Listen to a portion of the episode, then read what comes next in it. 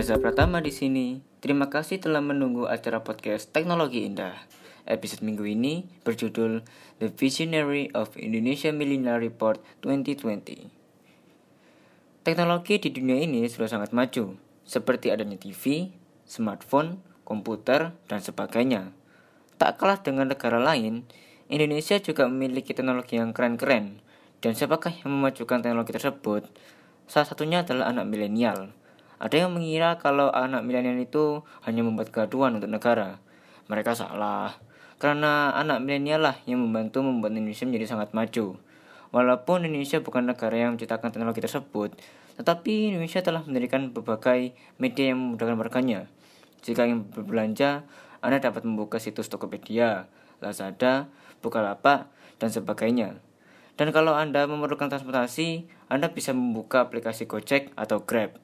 Karena media-media online ini, kehidupan warga Indonesia menjadi sangat mudah. Walaupun bukan yang pertama, tetapi Indonesia mampu membuat mobil listrik. Anak-anak ITS Surabaya telah membuat mobil listrik yang sangat keren. Mereka memberi namanya sapu angin. Hal itu membuat negara Indonesia sangat bangga, karena Indonesia bisa mengikuti kemajuan teknologi di dunia. Karena belum tentu negara lain dapat membuat kendaraan listrik tersebut. Dan bayangkan, jika Indonesia tidak memiliki anak milenial tersebut, Indonesia akan tertinggal jauh dengan negara lain. Karena anak milenial Indonesia selalu mencari tahu sesuatu yang dapat merubah negaranya. Itu hanya beberapa. Indonesia telah membuat senapan yang pelurunya dapat menembus baja yang sangat tebal.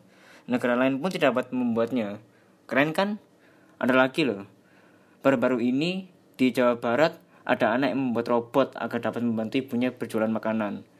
Bayangkan, Robot yang dia buat itu berfungsi untuk mengambil telur matang yang berada di wajan, sedangkan ibunya mengambil telur matang yang lain. Saya sebagai orang Indonesia itu sangat bangga, karena ada satu anak itu yang bisa membuat robot sangat keren. Gila kan?